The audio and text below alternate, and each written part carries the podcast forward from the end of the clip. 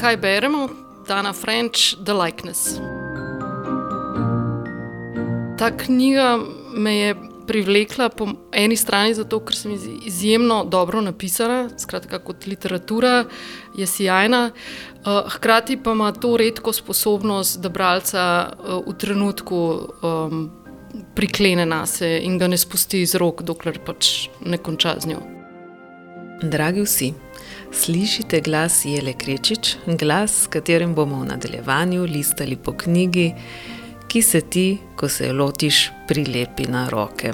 No, očitno je, da je ne moreš pač kar izpustiti iz rok. Obenem pa te tudi sama ne izpusti in ostane s teboj še dolgo potem, ko si jo že prebral. Stopimo torej v območje lagodja, ker beletrininemu podkastu, ki ga ustvarjava Klara Škrinjar in Maja Čakarič. Zjelo bomo, tako kot smo predtem z ilustratorko Samiro Kendrič, odkrivali prostore v njenem knjižnem vesolju in veselju. Pogovarjamo se o tem, katero literarno delo je skoraj da spodneslo tla in svet, kakršnega je poznala in ga obrnilo na glavo. In katera knjiga ostaja njena sopotnica še dolgo potem, ko jo je že odložila. In kako ta spoznanja o literarnih življenjih oseb prehajajo tudi v njeno vsakodnevno resničnost. Jela je filozofinja, predavateljica in avtorica treh knjig, romanov Ni druge, knjiga drugih in teoretskega dela Zmotene prevaranih, od modernizma do Hollywooda. Tokrat pa zavihamo rokave ob kriminalki, romanu ameriško-irske pisateljice in gledališke igralke Tane French. Tana French doma velja za prvo damo irske kriminalke. Kolikor vem, jo pri nas, če ne drugače, bralci poznajo po njenem prvem delu iz trilogije Dublin Murder Squad v gozdu, saj je prevedeno v slovenščino. In se otegne k malu prilimati tudi na moje roke. The likeness oziroma podobnost. Naslov pove veliko, me pa razumljivo ne bomo povedali preveč. V tem hipu naj zadostuje, da v tem romanu sledimo detektivki Casey Maddox, ki raziskuje sumljive okoliščine smrti Lexi Madison, mlade ženske, ki se izkaže, da je njena dvojnica. Ne samo, da je podobna, tudi živela je kot eden od likov, ki jih je Casey nekoč v preteklosti prevzela kot krinko. Policijski načelnik predlaga, da bi tokrat Casey impersonirala umorjeno, zato da bi ugotovila, kdo je sploh bila in da bi tako prišla na sled morilcu. Ni dvakrat za reči, da jo je ta naloga precej prevzela. Ko se potopi vanjo, spleta tesne vezi so stanovalci umorjene, ki se izkažejo za osumljene. Pika, pika. Preverimo prijeli, kako sta njen svet in knjiga trčili. Kako sta se našli? Mislim, da smo se stano našli že pri njenem prvencu In the Woods uh, v gozdu, ki je zdaj preveden tudi v slovenščino. In že tista, uh, tisti njen prvenec se mi je zdel osupljiv, osupljivo dober. Da, potem, ko sem videla, da ima že drugo knjigo zunaj, sploh ni bilo vprašanje. Pač, uh, takoj sem jo hotela imeti, takoj sem jo začela brati, in moja usoda je bila zapečatena za naslednjih par ur, dni. Recimo po mojem, tri ravno v tem, da ko padeš, kot ena knjiga tako zasvoji, na nek način izgine prostor in čas. No? Mislim, ta knjiga začne diktirati uh, na nek način to, kdo si, kaj si, cel tvoj svet orkestrira. Tako da niti se ne spomnim, kje sem jo brala, zelo verjetno doma, uh, v jedilnici ali pa zvečer pred spanjem v posteli. Uh, ampak kot rečeno, no, uh, v bistvu je na nek način človek pozabi to, ki je bil, ker je knjiga tisto edino, kar ga definira. Že zelo zgodaj v zgodbi, marsikaj postane zelo čudno. In kot bralcu te skrivnosti noro vznemirjajo. In potem, kar se mi zdi res fino, je to, da um, roman v resnici postopoma nekako tudi zabriše to začetno zagonetko pomembne postanejo vse druge reči, kot pa to, kar te je na začetku privleklo. To se mi zdi, da je kar njen klasičen postopek. Pač, uh, trnk je nekaj, ampak potem, kar dobiš, ko se enkrat ujameš na ta trnk, je pa čisto nekaj drugega od začetnih pričakovanj. Tako da to je potem roman, kjer ona v bistvu prevzame vlogo te žrtve in se spet pod krinko nekako integrira v hišo, kjer je prej prebivala ta žrtev. In to je neka hiša štirih ali petih študentov. Njen cilj je to, da razišče, kaj se je v tej hiši dogajalo, kdo je možni storilec. Ampak v bistvu, kar potem postane najboljši del zgodbe za me, je pa to, ko ona v bistvu začne zelo simpatizirati z vsemi temi osumljenci, ne, z vsemi temi prebivalci hiše in ko se začne počutiti del tega kolektiva. In tukaj si že kuhan in pečen. Tako da jaz to knjigo berem v resnici kot zgodbo o poskusu alternativnega načina oblikovanja skupnosti, kolektiva. Eh, ker izvemo potem iz romana, pač bolj ko beremo, da gre za neke študente, ki so izjemno razočarani nad sistemom, v katerem živijo. Eh, mogoče bi morali omeniti, da je prostor dogajanja Irska. Ne? In to Irska, tam nekje v času, ko se začne ta uh, podoba irskega ekonomskega tigra rušiti, in v bistvu Irci že zelo težko pač, čutijo posledice nekih finančnih stisk in tako. In v glavnem te, te študenti so nekako nezadovoljni, v družbi ne najdejo nekega smisla, pomena. Uh, tako da eden od njih, ki podeduje to hišo, ima ta načrt, da bojo oni v bistvu poskušali živeti na nek svoj način, da bo on jim omogočil zaston bivanje in tudi nekako pokril te stroške življenja. In, pot, in na ta način vsakmu omogočil, da se nekako realizira tako, kot si želi. Ne, da ima neko svobodo, ki mu je sicer sistem ne bi dopuščal. Uh, tako da uh, v bistvu to je za me bil ključ te knjige. No, da vsa, vsa tragedija, tudi razlog, zakaj ta punca oziroma dekle umre, je v tem, da je ta ideja, utopija neke nove skupnosti trčila z nekimi partikularnimi interesi, ki so poskušali onesposobiti ali pa uničiti to vizijo skupnosti. Uh, tako da um, to me je tako totalno ganilo. No. Uh, To, to je tragedija za sodobni čas. Uh, ko nekdo mlad v bistvu poskuša zgraditi uh, neko neko obliko sobivanja, ki bi bila bolj poštena, emancipatorna in tako naprej, in potem uh, katastrofalno spodleti pri tem.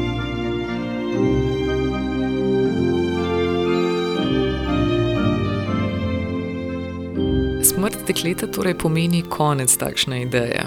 Idealizem se pretopi v vsakodnevno resničnost, ki v praksi lahko postane precej zapletena. Ja, v bistvu to je trenutek, ko začne tudi ta skupnost prijateljev počasi razpadati. No, ravno ob tej, um, oziroma oni nekaj časa še ne vejo, da je umrla, ne? tako da um, vejo pa, da je bila napadena. Skratka, nekaj turobnega, misterioznega odre tudi v njihovo skupino, tako da postopoma se začne ta tudi njihova vez, povezava krhati. In uh, v bistvu ona glavna junakinja, ki je tudi prva osebna pripovedovalka, ona se na nek način totalno poveže z njimi, spoprijatelji, ne? ampak hkrati pa tudi se čuti, da, da vse skupaj že razpada no? in da v bistvu na koncu ne bo srečnega konca za vse te junake. Ne? In to ne samo za um, pač krivca. Krivko, ampak tako, um, ta, v bistvu je žalosten konec, zato ker ta njihova izvorna ideja nekako propade, razpade. Kar pa ne pomeni, da se izjalovi tudi cilj odkriti morilca. Ali ga ne povemo, če ga pa ne povemo kako.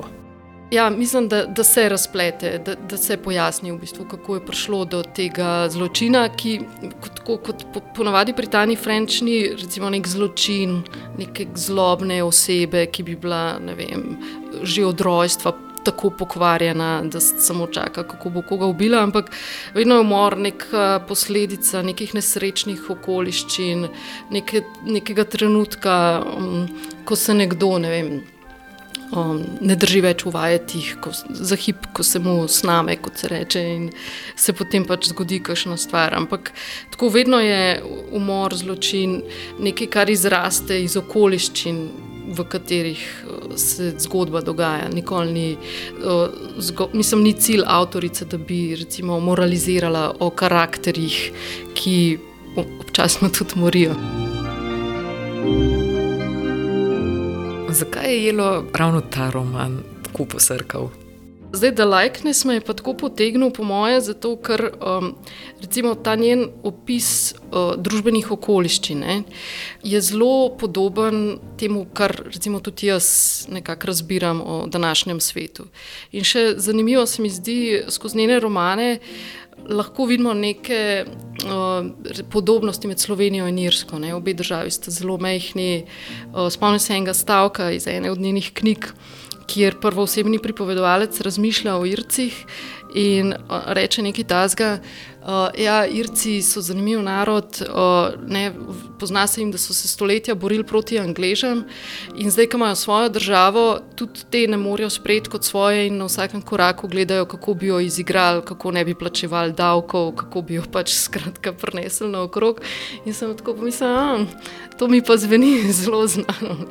Tako da. Uh, se mi zdi, da lahko najdemo dovolj enačajev med Irsko in Slovenijo.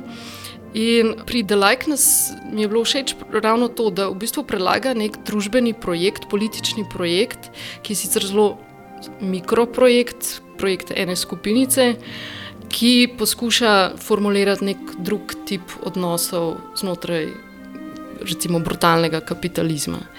In to me je potegnilo. No. Ta, to, da nekdo razmišlja o nekih alternativnih možnostih delovanja znotraj tega sistema. V bistvu me žalosti to, no, um, da imajo recimo avtori knjig, pa tudi režiserji, scenaristi, se mi zdi veliko več domišljije pri zamišljanju uh, ne vem, nekih alternativ, kot pa sama politika, ki bi morala poskrbeti za to, da naslavlja neke probleme. Ne. Uh, tako da dobimo skozi knjige včasih. Uh, ne samo boljšo perspektivo na to, kje smo, ampak tudi neko vizijo, kako bi lahko drugače poskušali zasnovati naša življenja. No. Igrati dvojno življenje je v takšnem svetu videti kot naročena identiteta. Bolje je izmuzljiv, manj je videti, da nam je jasno, kdo smo, kakšna je naša vloga v njem. Po svoje je zelo zanimivo, da je Kesi pristala na takšno življenje. Načelniki predlaga, da prevzame identiteto žrtve. Na tem je v bistvu nekaj strašno privlačnega, hkrati pa precej temačnega. Zakaj torej, kaj si pristane? Mislim, da je ta odnos s tem načelnikom, ki je tudi tako rahlo dvoumen lik, no ni enoznačno dober. Recimo. Eh, ta odnos je zelo pomemben za njo, mislim, da ga ona poskuša na neki ravni še vedno. Prepričati, mu dokazati, da je zelo sposobna v svojem poklicu.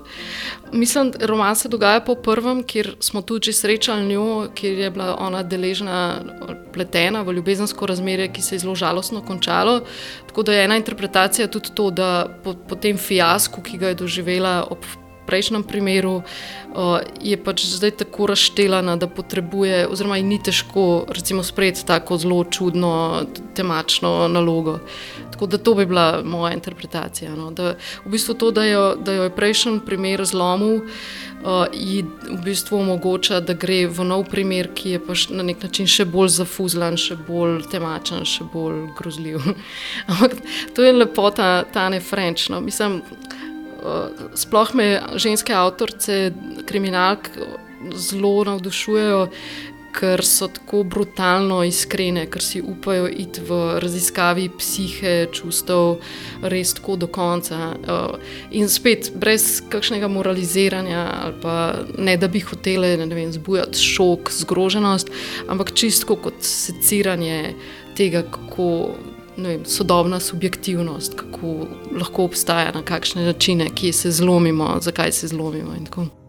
Najbrž ni na ključje, da v dobršni meri bolj govorimo o tem, kako danes razumeti svojo identiteto, pa tudi kako nas določa prostor, v katerem živimo. Ja, smo naslednji storilcev, pa vendar je videti, da je roman nekako prerasel že svoj žanr. Ja, absolutno presega. In v bistvu je bila moja teza celo to, da precej kriminalk, ki se jih danes piše, presega svoj žanr. In mislim, da je nekaj osvobojujočega za avtorje, pisce kriminalk, zato ker ti da žanr, nekako ti postavi strukturo, ampak uh, hkrati ti pa tudi omogoča zelo veliko svobodo pri razdelavi likov, kontekstov in tako naprej. Recimo, sploh pri Tani French je, se mi zdi ta logika izjemno vem, prepričljiva, da začne z recimo, vprašanjem hudanit. Ne? Imamo nek zločin, nek škandal, kdo je zdaj to naredil. In potem, ko nek detektiv, ki je tudi prvoosebni pripovedovalec, pade v to zgodbo, se razkrije, da je vse drugo na nek način bolj pomembno kot kar hudanit. Je tako, why done it, ne vem, how done it. In predvsem, kako se sam detektiv skozi zgodbo spremenja. V bistvu, zdi se na začetku, da je naloga detektiva, detektivke, da bo neko koherentno zgodbo o zločinu povedal. Ne? In potem, bolj ko beremo, bolj začne razpadati in ta zgodba o zločinu in sam detektiv. Skratka, obe zgodbi, zgodba detektiva in zgodba zločina, nekako postajata vedno bolj kompleksni, vedno bolj uh, se oddaljujeta od žanra, v bistvu na nek način, vedno dlje gremo stran od zgolj tega, te radovednosti, kaj se je zgodilo, vedno bolj plujemo v neka ozadja, v osebnosti, v kon družinske konstelacije. In uh, to se mi zdi tako genialno, no? mislim, tako z literarnega vidika, kako neko strukturo, ki je stara vem, več kot sto let, detektivko, ne, kako jo uporabiti za to, da jo v bistvu čist zaobrne, spreobrne, pa pregnete v nekaj drugega. Ne. In mislim, da pogosto v detektivkah, kriminalkah se to zgodi, no, da je pač zločin nekaj, kar tako pač. Tako je na prvo žogo povleče, ampak hkrati pa tudi za avtorja pomeni vstopnico, mislim, mu pušča veliko možnosti pri tem, kako se poigra z samo zgodbo, kako jo pelje naprej, kako pelje like naprej. In če smem, no, recimo, sem starejša, ker sem vedno večje težave imam z avtorji, ponovadi so to moški pisci, ki poskušajo biti v svojem pisanju ki nam poskušajo skozi dati vedeti, koliko vejo, kako so razgledani, kako um, vem, in, inventivno se znajo igrati, poigravati z vem, predelniki na vsakem koraku. In moram reči, da je to tip literature, ki me je začel vedno bolj odbijati. Potem po drugi strani imamo te ženske avtorice, kriminalk. Kjer pa v bistvu ni te neke pretenzije, ni čutiti, da, da nam hoče Tana French pokazati, poglejte, kako sjajna pisateljica sem. Ampak dobiš občutek, da je tam neka zgodba, ki jo žuli in se ona sama kot pisateljica ne more upreti temu, da je ne bi izpisala. In ko začutiš to, da je nek avtor, da ga je povlekla njegova lastna zgodba, ne vem, se mi zdi, da je to tudi trenutek, ko bralec. Z lahkoto potem vstopi v roman. Ne. In ja, no, mogoče tukaj kot predlagam tezo, ali pa vsaj ne vem, če je teza. No? Pač zdi se mi, da ženskim avtorcem uh, večkrat uspe to. Um, to da, da, da, ali pa pri ženskih avtorcah večkrat opazim to, da so na nek način iskrene. Uh, pri pisanju, iskrene v tem smislu, da pišejo tisto, kar njih same zadeva, in potem na nek način brez glave grejo v zgodbo. In še njih same verjetno preseneti, kako daleč in uh, kako globoko v temino so sposobne iti. Podobno je v eni od prejšnjih edicij podcasta pojasnjevala gledališka režiserka, kolumnistka in avtorica romanov Ivana Džilas. Če se prav spomnim, je rekla, da bi resen moški, gospod z brado in kravato, utegnil imeti nekoliko vzvišen odnos do problemov, ki udirajo v njen svet in v svet, o katerem piše. Se tukaj pa, po mojem, lahko govorimo tudi o vzvišenosti do kriminalnega žanra. Ne? Vedno imamo ta predsodek, da okay, to je ta šunt, pa za ne vem, neumne ljudi ali kaj, za nezahtevne bralce, potem pa obstaja ta velika, visoka literatura za nas, intelektualce. Kaj, In um, mislim, to, to bi jaz rada ravno na primeru Tane French podrla vem, te a priorne predsodke v zvezi z žanri. No. Uh, tudi, recimo, starejša, ko sem vedno vedno bolj uh, spoštujem dela, ki spoštujejo svoje bralce. In recimo, kriminalka je pač žanr, ki izjemno upošteva bralca, ki ga kalkulira vase. Mislim, na nek način ne obstaja kriminalka brez bralca in to ta zga bralca, ki ne more nehati brati. In uh, to, da nek avtor, da, da mu je do tega, da obdrži bralca, da ga zanimira, da ga zapelje, vem, to, to je meni neko spoštovanje, ki mora biti v nekem delu. Če pa začutim, da je, avtor, da je avtorju vse za bralce, da je tam, da piše samo zato, da je sam sebi bolj všeč, uh, potem pa mislim, da to ni literatura, ki bi, ki bi jo veljalo sploh brati. No. Tako da v tem smislu bi se zauzela za kriminalke in za žanre, že zato, ker o, spoštujejo bralce. V tem smislu lahko rečemo, da žanr, skoraj 180 let po prvem kriminalnem romanu Umor v ulici Morg, ki ga je napisal Edgar Allan Poe, ni nič kaj utrujen in da je še kako dovzeten za inovacije. Recimo, začeli smo z Edgarjem Allanom Poem, ki je na nek način zastavil ta lik Sherlock Holmes, Poirot, detektiva, ne, tega genija, ki pred nami razbira ključe in zna povezati. Uh, ampak to je hkrati kriminalka kjer uh, se na koncu pač pojasni, pojasni zločin, pojasni se, kdo je krivec. In kar zbuja mogoče lahko občutek nelagodja pri tem tipu kriminalke, je to, da vmes v bistvu nam da uvid v te mračne plati družbe, v smislu, vsi so sposobni morjenja, vsi si želijo smrt drugega, pa vendarle na koncu za zločin odgovarja samo pač tisti, ki je bil dovolj pogumen, da storil zločin. Ne. Skratka, uh, v bistvu, no, zdi se, kot da na koncu pozabimo na to, da je naša družba. Ali pa da v družbi obstajajo te zločinske tendence, ki niso tako redke, ne? ampak se zadovoljimo s happy endom. Pa imamo res tega, recimo, delno zapitega Marlova, ne? trdega detektiva tam v ameriški asfaltni džungli, ki je mogoče malo bolj uh, brutalen v prikazu. Tudi, uh, v bistvu so zanimivi ti romani Raymonda Chandlerja, zato ker tako kar brezkompromisno pokažejo na Ameriko kot spodletel politični projekt. No, saj jaz tako vidim, ker se zdi, da je itak posod vlada korupcija, kriminal, organiziran kriminal, prostitucija, ne vem, pač vse najslabše. No. Um, Zdaj pa te nove avtorice, recimo Tana French, pa tudi Gillian Flynn, mi je mal v tem. Um, v razredu avtoric. Tukaj se mi zdi pa, da se zgodi nek premik v to, da, da je zločin dejansko samo izgovor za to, da se začne um, neko raziskovanje um, širših družbenih okoliščin, v katerem se je zločin zgodil. Ne, um, ne vem, če ste vidve brali ali pa videli film uh, Temina. Dark Places od Gillian Flynn. Zdaj je tako ta, ta je tudi eden tistih romanov, ki te lahko ubije.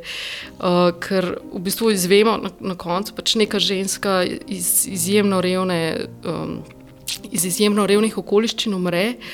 In pol na koncu zvemo, to je spoiler, se upravičujem, da je ona sama, pač ni imela ne vem koliko otrok, preveč ni jih mogla vzdrževati, bila je totalno obupana, ni dobila službe, dogaja se to ameriška, srednja Amerika, no, ali kako se reče temu, v bistvu Bible Beltu. In uh, ona dojame, da o, edini način, da lahko pride do denarja ali da temu otrokom omogoči neko preživetje, je, če ona umre in oni dobijo njeno življenjsko polico. Tako da v bistvu ona naroči svoj lasten umor, zato da bi. Da bi otrokom omogočila preživetje, seveda se potem pri sami izvedbi tega zločina pride do nekih uh, zapletov, tako da je njen sin v polokončni fazi obtožen. Uh, ampak to, no, mislim, začne se zgodba pač s tem truplom, s tem nekim zločinom in mislimo, da super, zdaj bomo ne, šli v to zgodbo hudanit. In pol naenkrat začnemo rit po Srednji Ameriki in uh, je tako, pač te totalno.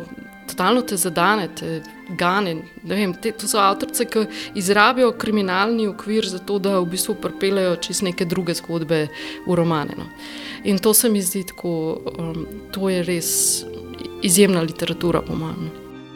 Če potegnemo črto še pod romanom The Likeness in povzamemo, je pri branju tega romana zaplavala v območje lagodja ali nelagodja?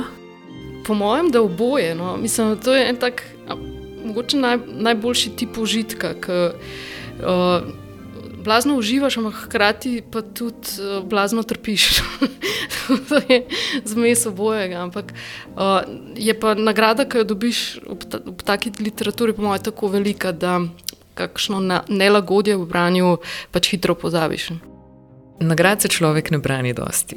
Po mojem, lahko po nagradi kar hitro posežemo in si jo prisvojimo. samo roman se je treba potopiti. Nagrada, ki vas na koncu pričaka, pa je še ena. Izveste, kdo je umoril medij. In naj bo to tudi dovolj dober suspenz za to, da po njej sežete tudi vi.